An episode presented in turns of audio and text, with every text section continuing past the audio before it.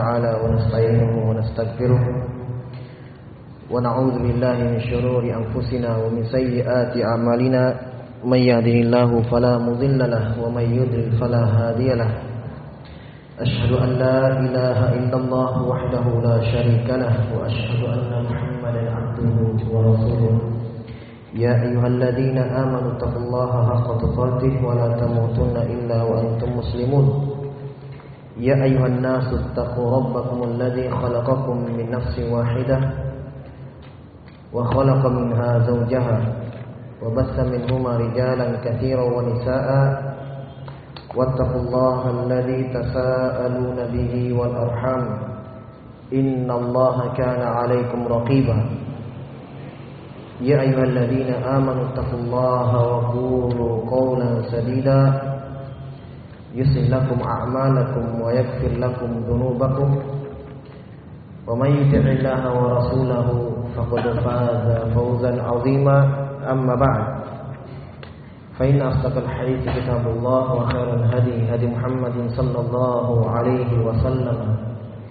وشر الأمور محدثاتها فإن كل محدثة بدعة وكل بدعة ضلالة وكل ضلالة في النار. الإخوان والأخوات رحمني ورحمكم الله جميعا الحمد لله kita bersyukur kepada Allah Subhanahu wa taala di sore hari ini kembali Allah Subhanahu wa taala memberikan kepada kita taufiknya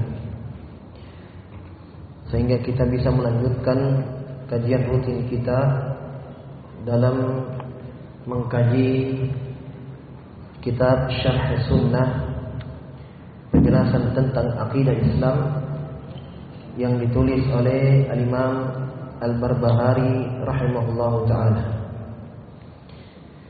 Kita telah sampai di ucapan beliau rahimahullahu taala dalam menjelaskan dan menerangkan bahwa wajibnya kita mengikuti Al-Qur'an dan sunnah Rasulullah Sallallahu Alaihi Wasallam dan tidak bolehnya kita mengada-adakan atau membuat syariat-syariat baru. Mengada-adakan perkara-perkara baru dalam agama dan kita sudah sebutkan tentang bahayanya dari perkara muhdatsat. Perkara-perkara yang diada-adakan di dalam agama. Dan di antara yang disebutkan oleh Nabi Sallallahu Alaihi Wasallam tentang bahayanya perkara baru ini di dalam hadis yang sangat banyak tentang adanya telaga dari Nabi Sallallahu Alaihi Wasallam pada hari kiamat. Yang Nabi mengatakan taraktukum Nabi mengatakan inni faradtukum alal haudi saya menunggu kalian pada hari kiamat di telagaku. Saya menunggu kalian pada hari kiamat di telagaku. Kemudian di dalam hadis yang lain Nabi menjelaskan tentang keadaan telaganya telaga itu adalah tempat haud artinya tempat tergenangnya air. Haud ya hayyub, ya haud. Al-haud itu tempat berkumpulnya air. Nabi mengatakan telagaku ini pada hari kiamat sangat panjang. Panjangnya dari Yaman sampai ke Madinah. Dan semua umatku akan minum di situ. Beliau mengatakan bahwa gelas-gelasnya seperti bintang di langit. Kemudian Nabi mengatakan, "Man yashrabu minhu lam yatma abada." Siapa yang minum dari telaga itu, dia akan tidak haus selama-lamanya. Padahal pada hari kiamat nanti Allah Subhanahu wa taala menjelaskan dalam Al-Qur'an Yaumul Aqshil Akbar. Hari itu adalah hari kehausan yang sangat besar. Tetapi dalam riwayat dijelaskan bahwa ketika Nabi Sallallahu Alaihi Wasallam menunggu umatnya di telaga, maka ada di antara umat yang terusir dari telaga Tidak meminum dari telaga itu. Ketika mereka terusir, Nabi mengatakan ummati, ummati, umatku, umatku. Maka dikatakan kepada Nabi Sallallahu Alaihi Wasallam, Inna la tadri ma ahdathu ba'dak. Kamu tidak tahu wahai Muhammad apa yang mereka ada-adakan ada apa yang mereka buat setelah kamu tidak ada. Imam Nawawi rahimahullah di antaranya demikian pun dijelaskan oleh Ibnu Abdul Bar dan selainnya bahwa dalam hal ini dijelaskan mereka yang terusir siapa? Mereka menguatkan bahwa yang terusir ini adalah orang-orang dari umatnya yang mengada-adakan perkara-perkara baru dalam agama. Sebab dikatakan innaka la tadri ma ahdatsu ba'dak. Kamu tidak tahu wahai Muhammad apa yang mereka perbuat. Apa yang mereka ada-adakan setelah kamu meninggal. Setelah kamu meninggal. Walaupun ada yang mengatakan mereka ini adalah orang-orang yang murtad setelah Nabi Sallallahu Alaihi Wasallam meninggal. Ini semua masuk di dalamnya. Maka ini juga menunjukkan perkara bahayanya perkara bid'ah. Bahayanya seseorang itu mengada-adakan di dalam agama Islam. Dan sebagaimana yang kita telah jelaskan bahwa Allah Subhanahu wa taala sudah menyempurnakan agama ini. Beliau sudah jelaskan bahwa wa 'alan nasi al-ittiba' manusia itu cuma satu kewajibannya al-ittiba' tinggal mengikuti. Tinggal mengikuti. Dan kita sudah jelaskan bahwa ketika kita jelaskan kebenaran kita jelaskan sunnah Nabi Sallallahu Alaihi Wasallam jangan mendengarkan ucapan orang Sebagian orang mengatakan ini mereka suka menyalahkan si anu salah ini lagi salah sedikit-sedikit salah. Nabi Shallallahu Alaihi Wasallam menjelaskan dan menjelaskan kebenaran dan menjelaskan kebatilan. Ini kekeliruan, ini kesalahan. Ini termasuk ciri khas umat Islam. Menjelaskan bid'ah, menjelaskan bahwa ini perkara sunnah dan ini perkara bid'ah, perkara yang diadakan ini termasuk bagian dari syariat. Bahkan ini adalah ciri khas ahli sunnah, ciri khas Islam itu sendiri. Tidak pernah kita membaca Al-Quran. Dalam Al-Quran Allah katakan Nu'inal ladina kafaru ala lisani Dawud wa Isa wa Isa bin Maryam. Dzalika bima wa kanu ya'tadun. Wa kanu la yatanahawna 'an munkarin. Labisa ma kanu. Kata Allah telah dilaknat orang-orang kafir melalui lisannya Daud dan Isa bin Maryam. Kenapa mereka dilaknat? Zalika bima asau wa kanu ya'tadun. Karena mereka bermaksiat pertama, yang kedua ya'tadun. Mereka melampaui batas. Yang ketiga apa? La yatanahawna 'an munkarin fa'aluhu. Karena mereka tidak saling menegur, tidak saling memperingatkan di antara mereka tentang kemungkaran yang mereka lakukan. Saling membiarkan. Saling membiarkan. Nah, ketika kita jelaskan kebenaran, kita jelaskan ini adalah perkara yang diadakan dalam agama. Ini termasuk beramar ma'ruf nahi mungkar namanya. Bahkan ini termasuk amar ma'ruf nahi mungkar yang sangat agung. Ketika kita tegur saudara kita terjatuh dalam maksiat, ketika kita tegur saudara kita terjatuh dalam bid'ah ini lebih besar. Ini lebih pantas untuk kita ingatkan daripada ketika saudara kita terjatuh dalam maksiat. Ini juga wajib kita ingatkan saudara kita. Tetapi ketika mereka terjatuh dalam bid'ah, ini lebih pantas untuk kita ingatkan. Kenapa? Karena perkara yang dia adakan membuat perkara baru dalam agama dosanya lebih besar daripada maksiat. Dosanya lebih besar daripada maksiat. Makanya telah sabit dari ucapan para imamatus salah, para pendahulu kita mereka mengatakan iblis lebih menyenangi bid'ah. Iblis lebih menyenangi bid'ah. Perkara yang dibuat-buat dalam agama daripada seorang itu terjatuh dalam maksiat. Mereka lebih senang ini. Makanya Nabi mengatakan, iya. Inna Allah ijtazza tawbah an bid'ah hatta yada'ah. Nabi mengatakan Allah menutup pintu taubat untuk orang-orang yang mengadakan perkara baru dalam agama, bid'ah dalam agama. Bukan mereka ketika kita, mereka bertobat mengenal sunnah, bukan berarti tobat mereka tidak diterima. Tapi maksud ucapan Nabi bahwa mereka menganggap itu benar sehingga sulit untuk bertaubat. Ketika dia ingatkan, malah membantah. Ya. Maka ini syaitan lebih menyenangi hal ini. Sekarang kita lanjut, kita lihat keterangan Imam Al-Barbahari rahimahullah taala. Beliau mengatakan, qala al-muallif rahimahullah taala, beliau mengatakan di sini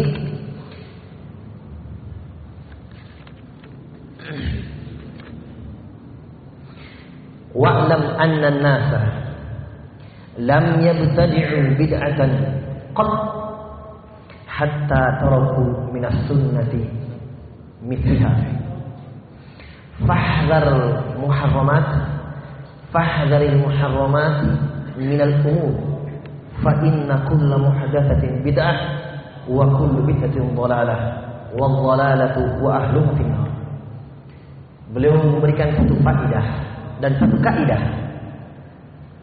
Beliau mengatakan bahwa ketahuilah tidaklah manusia membuat perkara-perkara baru. Membuat perkara-perkara yang dia ada adakan di dalam syariat. Satu saja. Kecuali pasti mereka meninggalkan sunnah sepertinya. Mereka meninggalkan sunnah Paham maksud ucapannya? Maksudnya ketika satu bid'ah muncul dalam waktu yang bersamaan satu sunnah tertinggal. Ini kaidah. Dan ini telah sabit dari ucapan sahabat. Ada dari Muad bin Jabal. Ya, ada dari Abdullah bin Mas'ud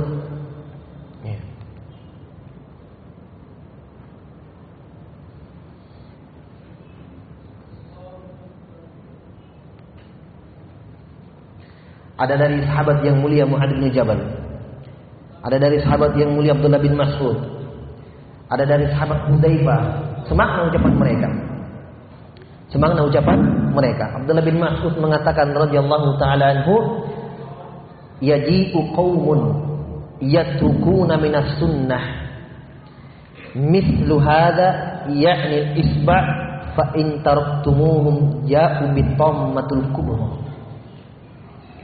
Abdullah bin Mas'ud mengatakan radhiyallahu taala anhu datang akan datang sebuah kaum nanti tidaklah mereka meninggalkan sunnah seperti ini beliau mengisyaratkan dengan jarinya. Tidaklah mereka meninggalkan sunnah seperti ini. Kecuali kecuali mereka mendatangkan ummatul kubur. Mereka mendatangkan satu kebinasaan satu bid'ah. Ini semangat dari ucapan Imam Al-Bahari. Jadi ketika seseorang itu membuat perkara baru satu saja yang tidak ada contoh dari Nabi Shallallahu Alaihi Wasallam sahabatnya dalam waktu yang bersamaan itu mereka meninggalkan sunnah. Itu kaidah. Kenapa? Karena meninggalkan itu adalah itulah sunnah. Meninggalkan perkara tersebut Berarti mencontoh Nabi Sallallahu Alaihi Wasallam. Kenapa? Karena Nabi tidak melakukannya. Ingat, sunnah itu ada dua. Sunnah fi'liyah dan sunnah qauliyah. Sunnah yang merupakan ucapannya Nabi dan sunnah yang merupakan perbuatannya Nabi. Nah, yang sunnah Perbuatannya Nabi ini dua. Ada sunnah memang yang Nabi lakukan dan ada sunnah yang Nabi tinggalkan. Ada yang sunnah yang Nabi tinggalkan. Ketika Nabi tidak melakukan itu dalam bentuk peribadatan kepada Allah, itulah sunnah. Dipahami? Itulah sunnah. Kenapa? Karena ketika Nabi mampu melakukannya, tidak ada penghalang untuk melakukannya. Nabi mampu melakukannya di zaman Nabi Sallallahu Alaihi Wasallam dan para sahabat pun mampu melakukannya dan tidak ada penghalang untuk melakukannya dan mampu untuk melakukannya, tapi mereka tidak melakukannya. Siapa yang mendatangkan perkara itu, dia terjatuh dalam bidah. Apa yang menghalangi Nabi untuk melakukan itu? Tidak ada. Dan Nabi juga mampu melakukannya. Tidak ada penghalangnya. Ketika orang setelahnya datang membawa perkara tersebut, maka itu kaidah disebutkan. Berarti ketika dia datangkan perkara itu, bukankah kita katakan berarti dia akan meninggalkan sunnah? Hah?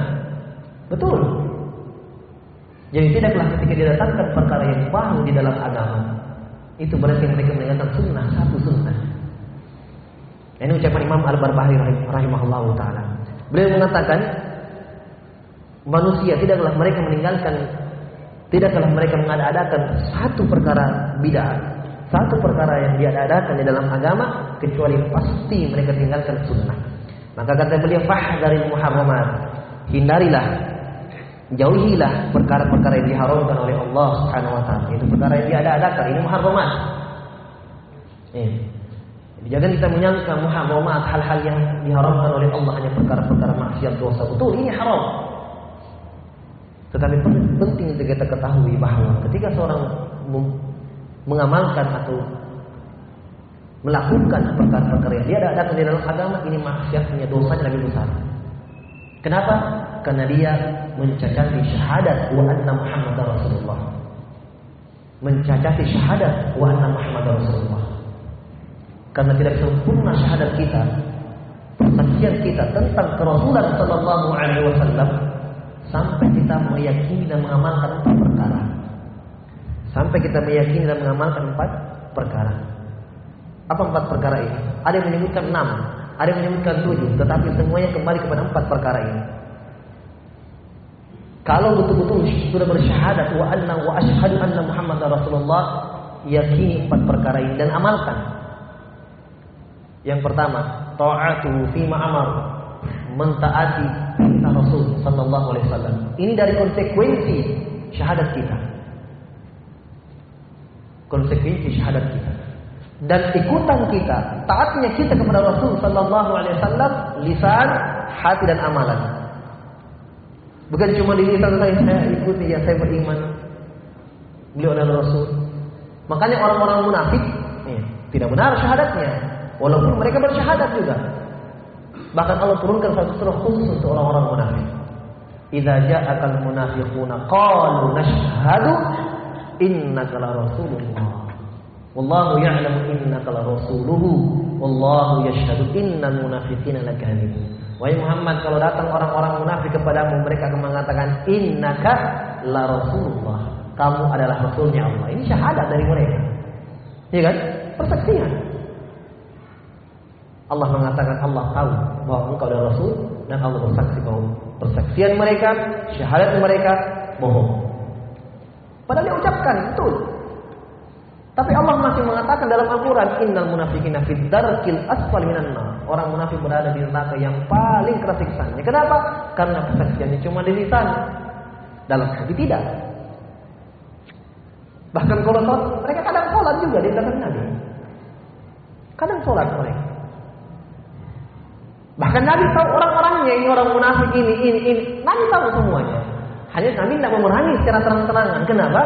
Dalam hadis Nabi sebutkan, saya khawatir orang-orang yang mengatakan anna Muhammadan yaqtulu ashabahu. Saya khawatir orang-orang mengatakan kalau saya perangi mereka terang-terangan, orang-orang akan mengatakan bahwa Muhammad itu membunuh temannya. Kenapa kan mereka sholat juga? Orang-orang hanya melihat tuh ini yang nampak. Oh Islam ini sholat.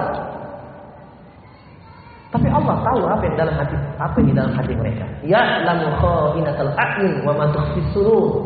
Allah tahu apa yang terkhianati oleh mata yang tidak terlihat. Allah tahu apa yang di dalam hati. Dan Allah kabarkan kepada Nabi SAW melalui wahyunya. Ini orang munafik. Dan Nabi beritahukan satu orang sahabat yaitu Hudzaifah bin Yaman. Ini orang-orang munafik ini ini, ini namanya. Nah, jadi Hudzaifah pemegang rahasia Nabi Sallallahu Alaihi Wasallam, orang-orang munafik. Ya, makanya sampai Umar mengatakan, Umar bin Khattab mengatakan, saya khawatir namaku itu ada di di tangan Hudzaifah bin. Ada nama saya di situ. Sampai sebagian sahabat kalau ada jenazah yang meninggal, kalau mereka mau sholat jenazah, lihat dulu Hudzaifah. Ada tidak Hudzaifah? Kalau Hudzaifah ada, aman, bukan orang munafik. Kalau Hudzaifah tidak ada, dicurigai. Lihat dulu Hudzaifah ada enggak? Ada Hudzaifah?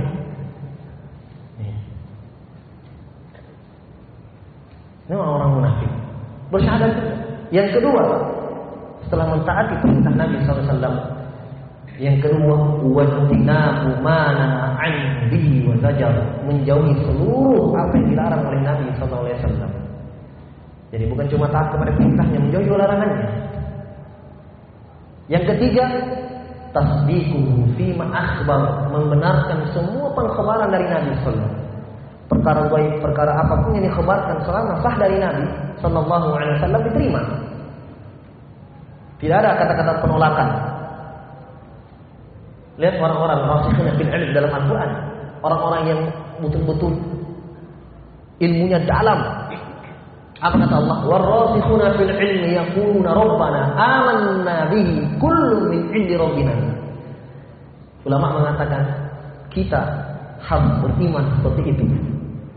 Contoh ar-rasikhuna fil ilmi. Orang-orang yang rasih itu ilmunya dalam. Bagaimana keimanan mereka dalam Al-Quran? Allah jelaskan. Warasikhuna fil ilmi yaquluna rabbana amanna bihi kullu min indi rabbina. Orang-orang yang dalam keilmuannya mereka mengatakan ya Allah kami beriman semuanya karena semuanya datang dari kamu, dari engkau, dari Roh kami. Yang terakhir, nah ini nih. Perkara yang keempat yaitu apa? Wa alla yu'badullah illa bima. Kalau memang bersyahadat bersaksi bahwa beliau Rasul Allah, apa konsekuensinya? Tidak beribadah kepada Allah kecuali dengan tuntunannya. Nah, makanya ulama mengatakan siapa yang ber, berbuat bid'ah, perkara agama, perkara baru dalam agama, catat syahadatnya, cacat. Belum benar ucapannya, bersaksi bahwa Rasul Allah, utusannya Allah, ikuti. Beribadah kepada Allah dengan sunnahnya. Imam uh, sahabat Hudzaifah radhiyallahu anhu mengatakan, "Ittaqullaha ya ma'syarul qurra. Khudhu tariqa man qablakum fa wallahi la in sabaqtum laqad sabaqtum sabaqan ba'ida wa in taraktumuhu yaminan wa shimalan faqad dhalaltum dhalalan ba'ida." Sahabat yang mulia Hudzaifah bin Yaman mengatakan, "Bertakwalah kalian kepada Allah Wahai para penghafal Quran. Wahai para orang-orang yang berilmu. Wahai para penuntut ilmu. Khudu tariqaman Qoblakum. Ambil jalannya orang-orang sebelum kalian. Ambil jalannya mereka. Para sahabat. Kalau kalian sudah didahului kalau kalian mendahului mereka, maka kalian telah mendahului dengan pendahuluan yang jauh. Maksudnya apa? Hah? Jangan mendahului mereka dari apa yang mereka amalkan. Jangan. Subhanallah. Ucapannya sangat indah. La in sabaqtum sabaqtum sabaqan ba'ida. Kalau kalian wahai yang datang setelah zaman sahabat, kalau kalian mendahului mereka, orang-orang sebelum kalian, sungguh kalian telah berjalan dengan yang jauh. Kalian tinggalkan para sahabat di belakang. Kalau begitu. Sekarang mereka duluan. Imam Ibn Katsir mengatakan kaidah yang sangat indah. Intinya beliau mengatakan laukana khairan la sabaquna ilaihi. Titik. Kalau seandainya apa yang kita amalkan itu bagus, baik, maka sahabat telah mendahului kita di atas itu. Itu saja. Laukana khairan la sabaquna ilaihi. Kalau perkara itu bagus, syariat, maka pasti sahabat sudah mendahului kita. Adakah amalan yang sahabat tidak amalkan? Kita amalkan. Adakah sahabat yang kita amalkan sebuah amalan yang mereka tidak amalkan? Yang ada itu mereka amalkan, kita tidak amalkan. Itu yang ada. Tapi kalau kita amalkan sebuah amalan mereka tidak amalkan, tidak ada. Semua amalan amal amalan apa? Amalan soleh yang mereka tidak amalkan. Kalau berbicara tentang semangat, mereka paling semangat. Berbicara tentang berlomba-lomba dalam kebaikan, mereka berlomba-lomba dalam kebaikan. Nabi mengatakan siapa yang membakar sumur rumah surga baginya. Tidak ada yang mendahului Utsman bin Affan.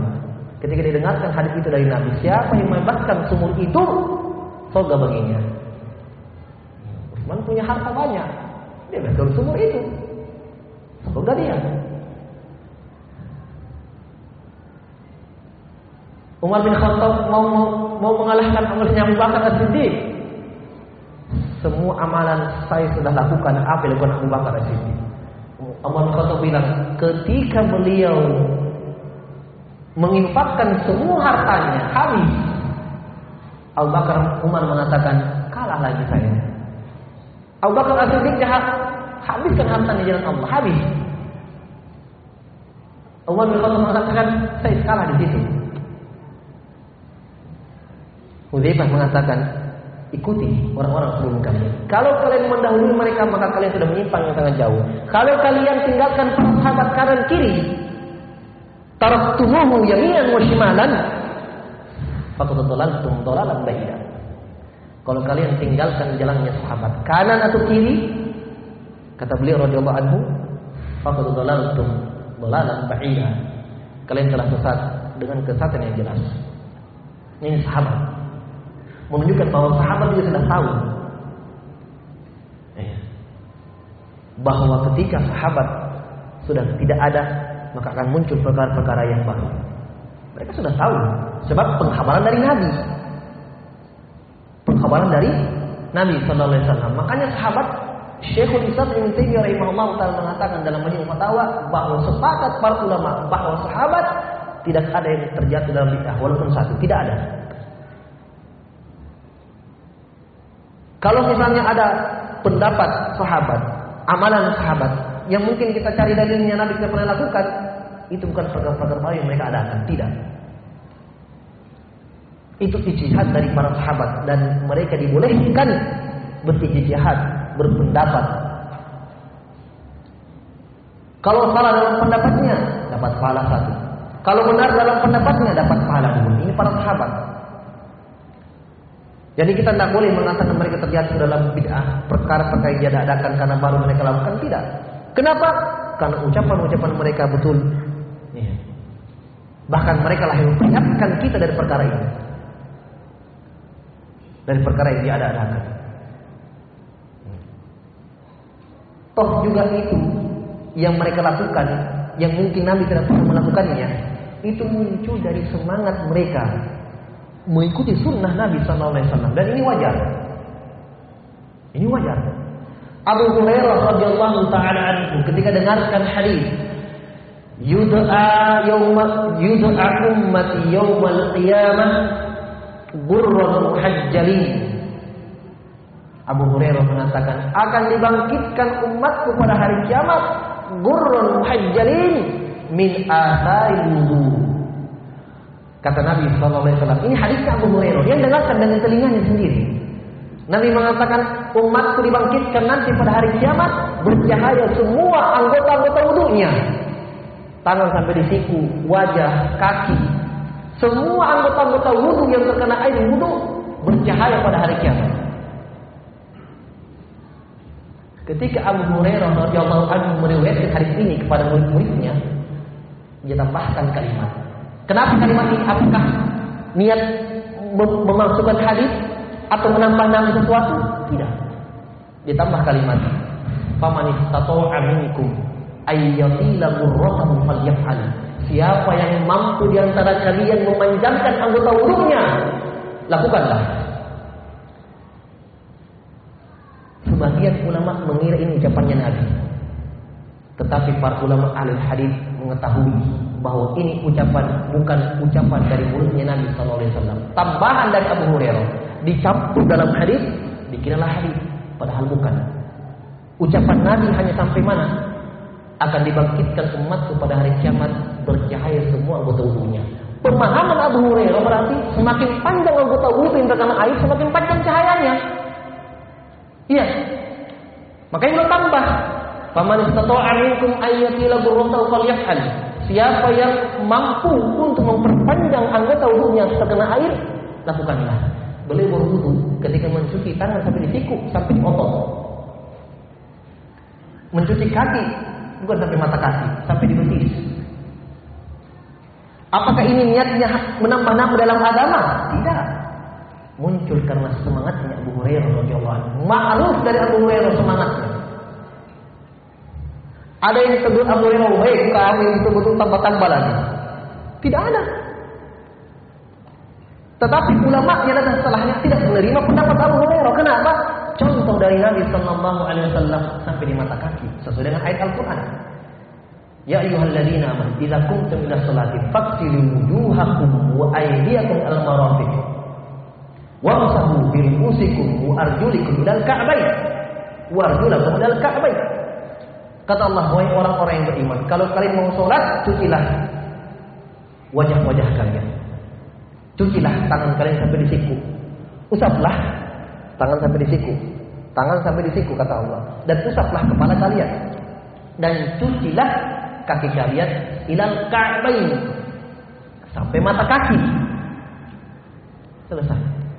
Perbuatannya Nabi juga dalam hadis Utsman bin Affan, dalam hadis Abdullah bin Zaid, beliau praktekkan tata cara wudhu dari Nabi SAW sama.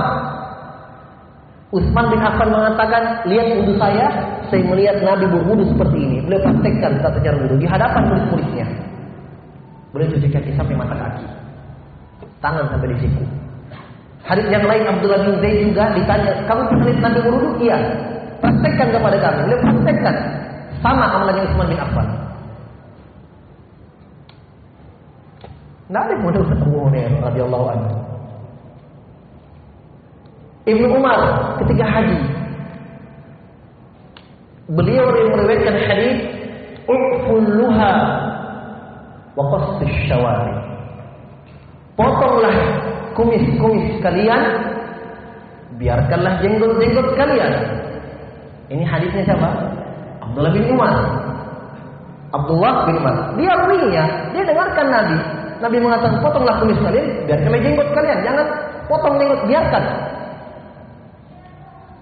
Jangan rapikan, cabut-cabut. Biarkan.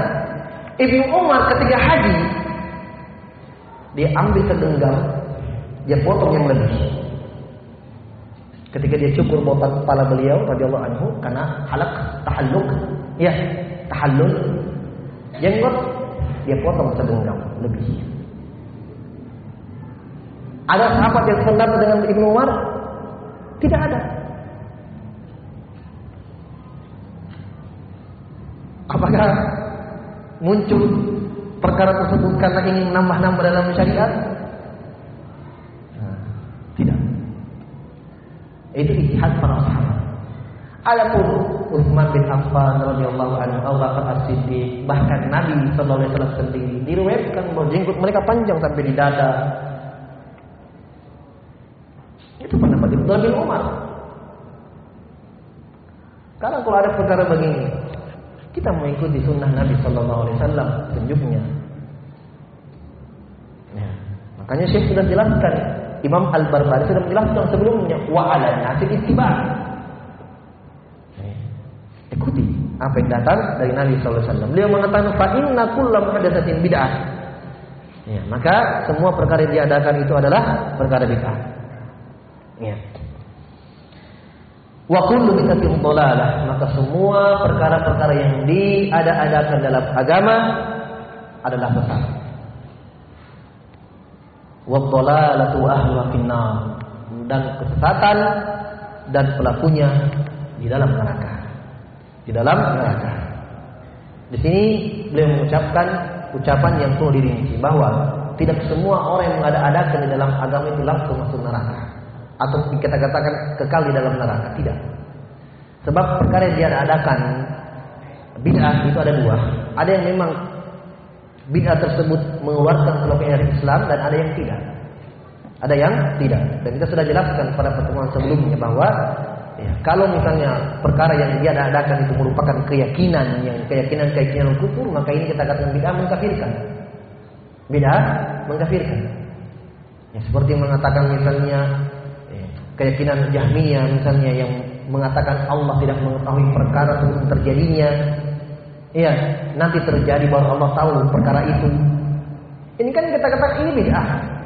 Sahabat Nabi dan para sahabat tidak pernah akui, tidak pernah meyakini seperti ini. Keyakinan baru muncul ini. Masa Allah tidak tahu sebelum terjadinya? Ini dikafirkan. Kenapa? Mengingkari ilmu Allah. Mengingkari ilmu Allah. Dalam Al-Quran Allah jelaskan keluasan ilmunya. Ini dikafirkan. Kalau ini tidak dikafirkan iya. Kalau ini, kalau dia bertobat, kalau dalam neraka. Sebab bid'ah jahmiyah kufur. Jadi tetap dilihat apa keyakinannya. Jelas ya, tetap secara umum sebagaimana yang Nabi ucapkan dalam hadis yang beliau sering ulang dalam khutbatul hajah ya. wa iyyakum wa umur fa kulla muhdatsatin bid'ah. Sebab semua perkara yang diadakan adalah bid'ah. Dalam riwayat yang lain wa bid'atin dhalalah sebab semua perkara yang diadakan adalah kesesatan. Bukan petunjuk Nabi wasallam. Kalau berpetunjuk berarti kesesatan. Cuma dua saja. Allah mengatakan famada ba'dal haqq illa dhalal. Tidak ada setelah petunjuk Allah Subhanahu kecuali kesesatan Allah berfirman wa may yushaqiqir rasul min ba'di ma tabayyana al-huda wa yattabi' ghayra sabilil mu'minin nuwalli ma tawalla wa nuslihi jahannam wa sa'at masir. Kata Allah, orang-orang yang menentang nabi, menentang Allah dan Rasulnya. Siapa yang menentang Allah dan Rasulnya setelah jelas baginya petunjuk wa yattabi' dan mengikuti ghayra sabilil mu'minin, selain jalannya orang-orang yang beriman itu para sahabat.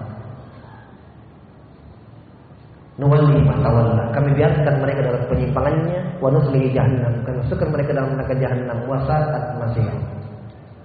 Ya. Sebab ketika kita mengamalkan sebuah amalan ya, yang para sahabat tidak amalkan berarti ada beberapa kemungkinan. Sahabat tahu tapi dia tidak sampaikan. Yang kedua, sahabat memang tidak tahu. Berarti sahabat jahil. Ini dua kemungkinan. Kalau amalan yang kita amalkan tidak diamalkan oleh para sahabat ini saya dua. Imma sahabat tahu tapi dia tidak sampaikan atau sahabat sama sekali tidak tahu. Dua kemungkinan ini batil. Kemungkinan ketiga masih ada. Kita lebih pintar daripada mereka. Ini saja. Dan ulama mengatakan ketika sahabat sudah bersepakat di atas satu perkara, itu hujjah qati'ah, hujjah yang disepakati. Kesepakatan sahabat apa yang mereka yakini di atas itu. Sesuai, dengan petunjuk Nabi SAW, mereka sepakat di atasnya itu hujjah. Itulah namanya i, i, ijma' kesepakatan dan tidak boleh menyelisih kesepakatan. Ya, tidak boleh. Baik. Beliau katakan lagi di sini satu satu pembahasan lagi. Beliau mengatakan wahdan sigorul muhdatsat minal umur fa inna sigorul bid'ah ta'udu hatta tasira kibaran. Ya, ini kaidah penting ini. Wa kadzalika kullu bid'atin uhdithat fi hadhihi ummah. Kana awwaluha saghiran yushirul haqq fadtarra bidzalika man dakhala fiha thumma lam yastati' al-khuruj minha fa'azumat wa sarat dinan yudanu biha fa khalafa minal Islam. Kata beliau, hati-hati kalian dari bid'ah yang kecil. Subhanallah. Hati-hati kalian dari bid'ah yang kecil. Maksudnya apa? Beliau ingatkan jangan menganggap remeh perkara yang ada maupun kecil. Sebab bid'ah itu juga sama dosa. Kecil, kecil besar, besar. Ya. Jelas ya? Beliau mengatakan hati-hati bid'ah yang kecil. Kenapa? Karena Fa inna sigorul bid'ah karena bid'ah yang kecil ta'ulu hatta tasiru kibaran. Terus menerus dilakukan menjadi besar. Menjadi besar. Dan ini sejarah sudah membuktikannya. Dalil sangat jelas dalam perkara ini. Yaitu apa? Hah? Dikeluarkan oleh Imam Ad-Darimi dalam sunannya dan dengan sanad yang sahih yaitu ketika Nabi Shallallahu Alaihi Wasallam sudah meninggal awal muncul bid'ah zikir jamaah di zamannya sahabat yang mulia Abu Musa al Ashari dan Abdullah bin Mahfud masih hidup.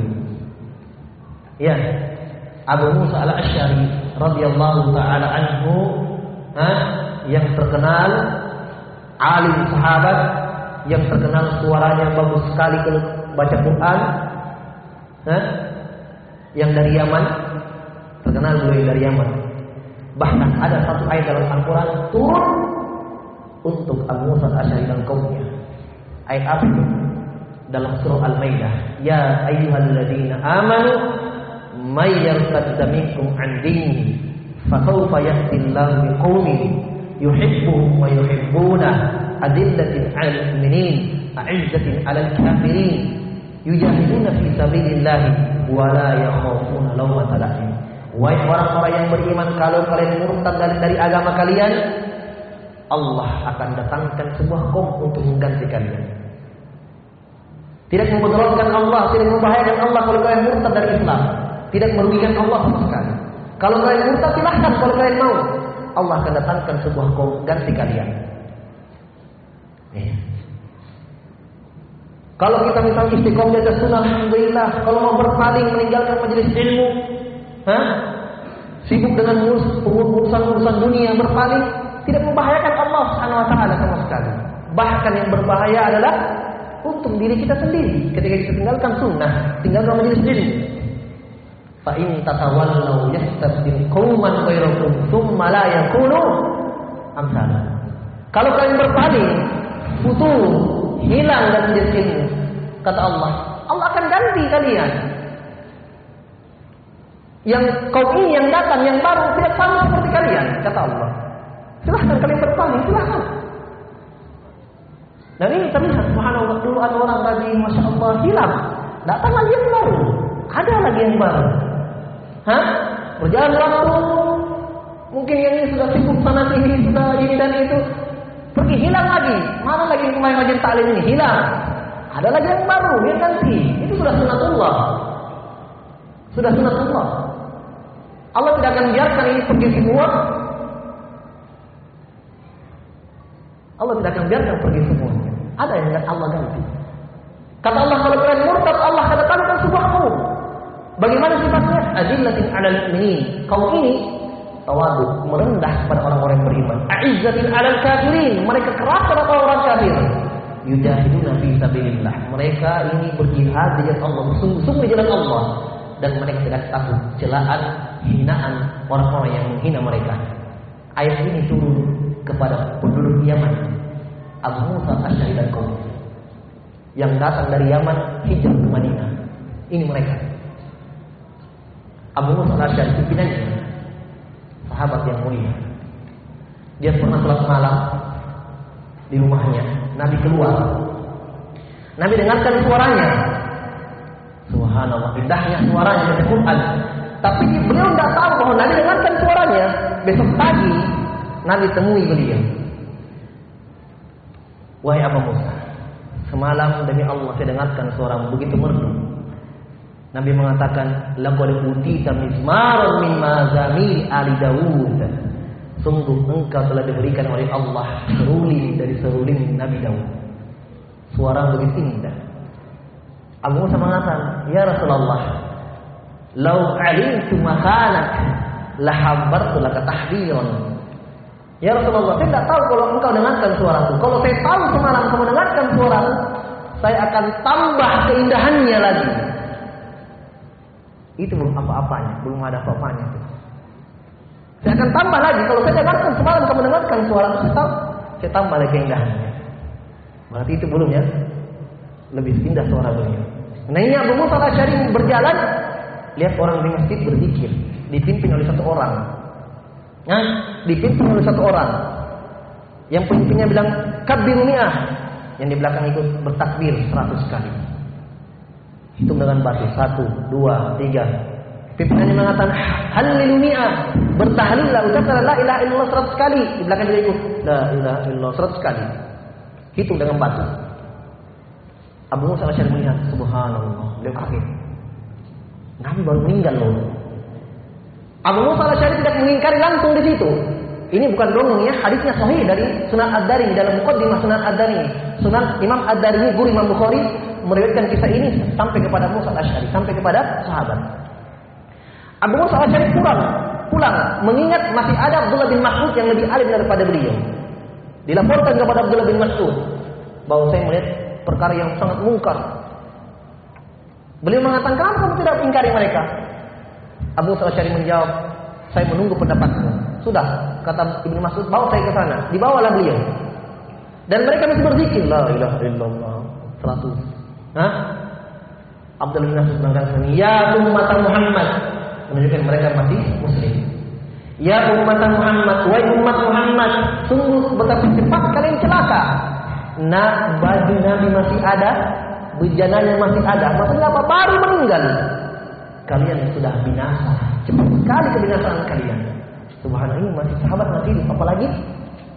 Hah? Kita. 14 abad yang lalu. Subhanallah. Apa jawaban mereka yang berzikir? Ya Abu Abdurrahman, ma nuridu ilal khair. Wahai Abu Abdurrahman punya Abdullah bin Mas'ud. Kami mengamalkan ini tidak ada yang kami inginkan kecuali kebaikan. Kan baik zikir, zikir ingat Allah, zikir. Apa jawaban Abdul bin Mas'ud? Kamu muridin lil khair la yusibahu. Betapa banyak orang menginginkan kebaikan tidak mendapatkan apa-apa. Jawabannya. Titik pembahasannya, kenapa saya sebutkan kisah ini? Rawi tabi'in yang meriwayatkan kisah ini yang ikut bersama Ali bin Abi Thalib. Datang zaman setelahnya, pemerintahannya Ali bin Abi Thalib memerangi orang-orang Khawarij yang mengkafirkan sahabat, memberontak kepada Ali. Tapi ini yang ikut bersama Ali, dia lihat subhanallah yang memerangi kami di Nahrawan bersama Ali bin Abi Thalib, mereka yang berzikir jamaah kemarin. Imam Ar-Bahari mengatakan tidaklah bid'ah yang kecil menyeret kepada yang besar. Itu kaidah. Sudah terbukti. Dari zikir jamaah, zikir jamaah ternyata membesar bid'ahnya, mengkafirkan sahabat, memberontak melawan Ali bin Abi Thalib. Tabi'in yang lihat itu, subhanallah yang kemarin di gereja jamaah yang ditegur, ternyata mereka angkat pedang. Angkat pedang. Padahal cuma dikit pakai batu awalnya. Betul ucapan beliau ini terbukti. Ya. Makanya Nabi Sadaqah Rasulullah SAW. Iyakum wa muhdatsati umur. Nabi mengingatkan kan dalam ibad-ibad bin Sariyah. Iyakum artinya hati-hati. Iyakum itu bahasa artinya wahzar. Hati-hati. Kalau bilang hati-hati itu kan orang tua enak, hati-hati kok nak. Hati-hati kok nak. Bagaimana kita sendiri hati-hati ini? Apalagi kalau Nabi yang lebih sayang daripada kita, lebih sayangnya orang tua kita kepada kita. Wa iyyakum wahdar hati-hati kalian dari perkara muhdatsati umur, perkara yang tidak ada adakan. Ini kalau kita jelaskan sama orang, sedikit-sedikit bid'ah, sedikit-sedikit bid'ah. Subhanallah. Padahal Nabi yang mengingatkan kita cuma beramar ma'ruf nahi mungkar, menjelaskan kebaikan, memperingatkan dari kesalahan. Cukup itu saja. Kita juga tidak mau semakin banyak sunnah yang tertinggal, kan begitu. Beliau sudah sebutkan ketika sunnah itu muncul satu, sunnah tertinggal satu. Imam Ahmad mengatakan kalau saya diam di zaman Imam Ahmad ini ketika bid'ah menjamur. Imam Ahmad mengatakan ditegur Imam "Hei, kenapa kamu mentahdir Bishr al-Marifi, Jahmiyah, mentahdir?" Imam Ahmad mengatakan, "Kalau saya diam, Imam Syafi'i diam, Ali al-Madini diam, kapan orang mengetahui sunnah?"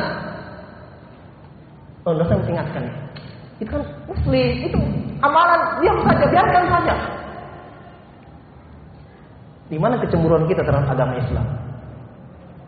Kita biarkan sunnah yang tertinggal? Imam Ahmad, subhanallah, bagaimana di zaman beliau? Beliau didengarkan ucapannya. Tidak ada Imam Ahmad rahimahullah taala. Mungkin suatu saat kita akan ada waktu kita akan baca sirah Imam Ahmad rahimahullah taala. Indah sekali sirah. Buah dari kesabaran. Tiga generasi disiksa pemerintahan Imam Ahmad. Di generasi keempat buah dari kesabarannya. Naik pimpinan ahli sunnah wal jamaah. Imam Ahmad subhanallah. Bid'ah di situ. Sembunyi-sembunyi. Sembunyi-sembunyi. Yang mereka awalnya mengatakan Al-Quran adalah makhluk. Ketika Imam Ahmad bersabar tiga tahun disiksa, dicambuk, di penjara, dilarang menyampaikan hadis. Ketika datang generasi keempat, datanglah buah dan kesabaran itu. Fa inna ma'al isri yusra. Terbalik, siapa yang mengatakan Al-Quran makhluk, cambuk, bunuh. Imam Ahmad dengarkan ucapannya. Ah, mulailah muncul kalimat-kalimat bersayap dari jahnya. Oh, saya tidak, saya mengatakan Al-Quran adalah kalam Allah. Tapi muncul racun-racunnya, samar, tapi hakikatnya mereka jahilnya. Apa kata Imam Ahmad? Apa dia bilang? Las di Quran makhluk. Pelafazan dalam Al-Quran makhluk. Cambuk jahmi sini. Dan Imam Ahmad mengetahui ini ucapan hanya tangga. Ini ucapan bid'ah. Dan memang Jahmiyah yang mengucapkannya. Tidak ada rasa cambuk. Masih mau mengucapkan itu? Imam Ahmad kalau saya diam, saya teringatkan orang dari ucapannya. Nanti tersebar lagi Al-Quran adalah makhluk. Ya. Nah, makanya ketika ada yang memperingatkan orang ini ini perkara dia ada-adakan. Itu bukan bukan jahat orangnya tidak, itu rahmat dari dia, kasih sayangnya terhadap umat ini. Berarti kan ya sudah berapa fakrah, sudah berapa ucapan-ucapan Imam Al-Barbahari tentang itu. Nanti di belakang-belakang baru dijelaskan tentang eh, tentang perkara hari kiamat, tentang timbangan, tentang eh, iman kepada takdir. Alam ada bagiannya. Tapi di awal-awal ini beliau tekankan dulu. Padahal sebenarnya berapa paragraf sebelumnya sudah beliau jelaskan tentang sunnah dan bahayanya bijak. Tapi terus beliau jelaskan panjang lebar. Kenapa? Di zaman beliau rahimahullah ini banyak bidah menyebar. Dan memang Imam Al-Barbahari Imam Al-Barbahari terkenal Imam fi sunnah. Imam Al-Barbahari ini di zamannya dibenci oleh bidah. Dibenci. Dan kita akan dapatkan nanti di akhir-akhir syarah sunnah ini beliau ingatkan lagi perkara ini, dia ulangi lagi. Di akhir-akhir pembahasan. Beliau sebutkan bahwa ucapan-ucapan ulama tentang bahaya dulu bersama orang ahli bidah. Beliau bawakan. Dan beliau di zamannya dibenci oleh ahli bidah. Makanya muncul ucapan ulama di zaman beliau. Siapa yang menghina, siapa yang berbicara jelek tentang Imam Al-Barbahari, curigai dia dalam agamanya. Karena tidak ada yang mencintai Imam Al-Barbahari kecuali sahih sunnah. Pasti dia ahli sunnah. Tidak, tapi tidak ada yang membenci Imam Al-Barbahari pasti ada apa-apanya. Ahli bidah. Karena kalau dia ahli sunnah, ketika seseorang mengingatkan tentang sunnah, pasti dia bangga, bahkan dia bantu. Kan begitu. Kalau dia sahih sunnah. Tapi kalau ketika sunnah dijelaskan, diterangkan ini adalah kebatilan, kepanasan, Hah? keringat dingin, marah. Nah, kenapa kamu marah? Fisik. Ada sesuatu dalam hatinya. Ketika sunnah dijelaskan, diterangkan, itu ahli sunnah. Mereka adalah ahli sunnah. Kata beliau kadzalika kullu bid'atin uhditsat fi hadhihi ummah. Demikian pula bid'ah. Baik. Masih panjang ini ya, nanti kita lanjutkan. Wallahu a'lam. Tunggu dulu.